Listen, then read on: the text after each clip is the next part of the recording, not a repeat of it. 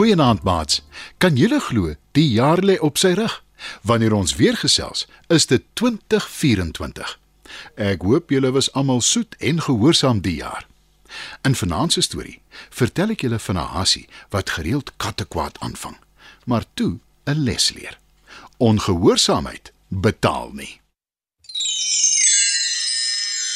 Op 'n dag was daar 'n haasfamilie wat op 'n plaas gebly het.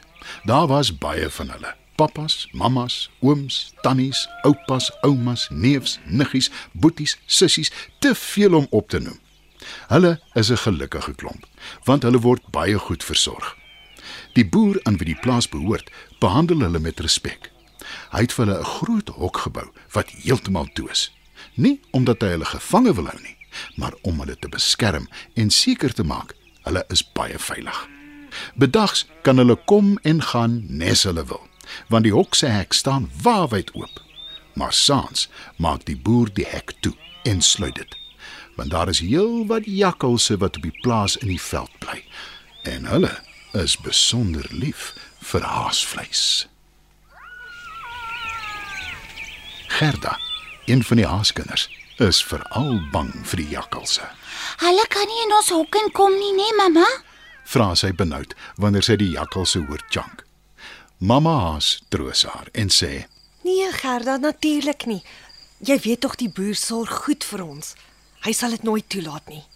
Gerda sug verlig en sy slaap rustig.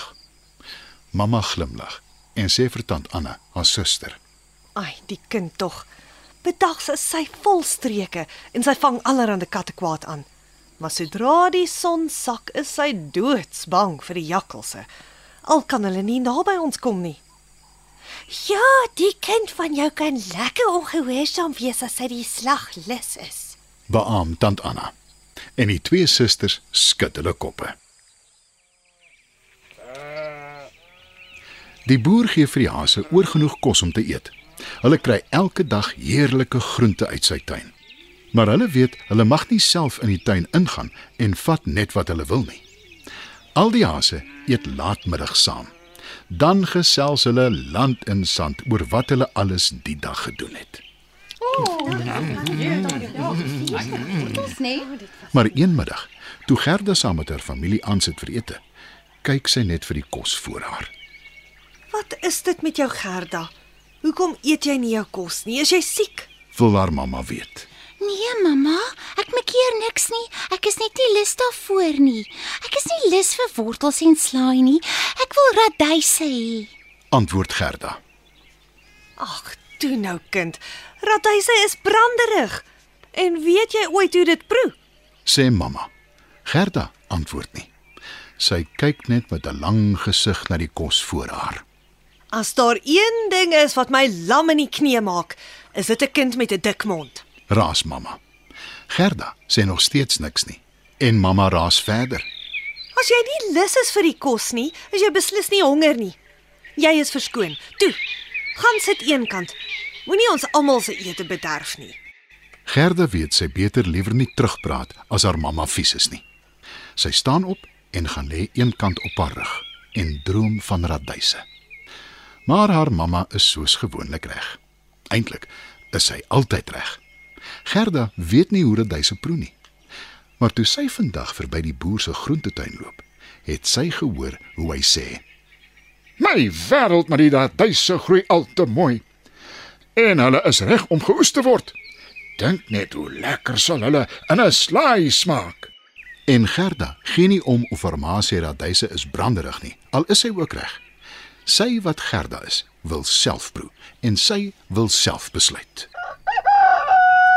Die volgende oggend vroeg glip sy vinnig by hulle hok se hek uit, net toe die boer oopmaak. Sy dra 'n hoed en ook 'n paar skoene wat te groot is vir haar. Dis haar oupa Soysin. Haar neef Jakobus sien haar en hy wil weet wat aangaan. Waarheen is jy op pad, niggie? Vra hy nuuskierig. Nêrens nie. Antwoord Gerda kortaf. Met die hoed en skoene, ek glo jou nie. Weet jy wat ek dink? Ek dink dis 'n vermomming. Sê Jakobus. En ek dink jou verbeelding hardloop weg met jou. Antwoord Gerda. Dis nogal toevallig dat jy nêrens heen gaan nie, want ek is ook juis op pad soontoe. Terg Jakobus, So waar? En waar is jou nêrens nogal? sê Gerda. Presies waar joune is. Antwoord Jakobus. Gerda sug en sê: Kom tog maar saam. Jakobus is in sy skik en volg Gerda. Hy kom vinnig agter. Hulle is op pad na die boer se groentetuin toe. Hy steek vas en sê: Nee Gerda, jy weet wat die reëls is. Ons mag nie in die boer se groentetuin ingaan nie. Wat nog te sê van sy groentegaps? Hy sal my nie herken nie. Jy was reg, die hoed en skoene is 'n vermonging. Maar maar jy hoef nie saam te kom nie. Ek sal alleen by die tuin ingaan. Jy kan by die hek wag en kyk wie jou. Antwoord Gerda. Jakobus is glad nie lus vir die plan nie. Maar Gerda herinner hom. Jy is die een wat so graag saam met my wil kom na nêrens toe, maar as jy te bang is, Ek bang. Nooit. sê Jakobus. Gerda maak die hek van die groentetuin oop. Sy glip vinnig in die tuin in en draf reguit na die radyse toe. Jakobus hou haar van die hek af dop. Maar Gerda het skaars van die radyse uit die grond begin trek om daaraan te begin smil, toe sy 'n stem langs haar hoor. Man toe. Wat het ons hier? My aarde Gerda, wat maak jy in my groentetuin? Dis die boer van die plaas wat langs haar staan. En hy herken haar ten spyte van haar vermomming. Die hasie skrik haar boeglam en sy hardloop so vinnig as wat haar bene haar kan dra weg. Met haar neef Jakobus kort op haar hake. Op pad verloor Gerda die hoed en die skoene. Die twee bang hasies draf in by hulle hok en gaan sit bewend eenkant. die boer gaan vir ons ouers vertel wat gebeur het, dan is ons groot moeilikheid. Sê Gerda bang. Ek moes my nooit laat ompraat het om saam met jou te gaan nie. Kla Jakobus. Moenie jok nie. Jy het aangehou en aangehou tot ek ja gesê het. antwoord Gerda vies. Tot hulle verbasing daag die boer nooit op nie. Maar later die middag aan tafel is daar radyse op die spyskaart. Nou, toe nou. Ek wonder hoekom die boer vir ons radyse gegee het. Sê Gerda se mamma. Gerda en Jakobus kyk onderlangs na mekaar, maar hulle sê niks nie. Toe sê oupa Soys: Wat my die heel meeste verstom is, hoekom die voelverskrikker in die boer se groentetuin ewe skielik my hoed en skoene aan het. Hoe het dit gebeur? Gerda weet hoekom die boer oupa se skoene en hoed vir die voelverskrikker aangetrek het. Sy weet ook sy sal nou die waarheid moet vertel. Sy staan op en sê: Ek het skelm radyse gaan haal in die boer se tuin.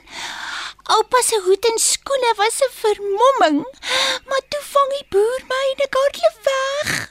Jakobus kyk skuldig na haar en wil net erken hy was saam met haar toe Gerda keer. Dis alles my skuld, net myne. Jakobus sug verlig.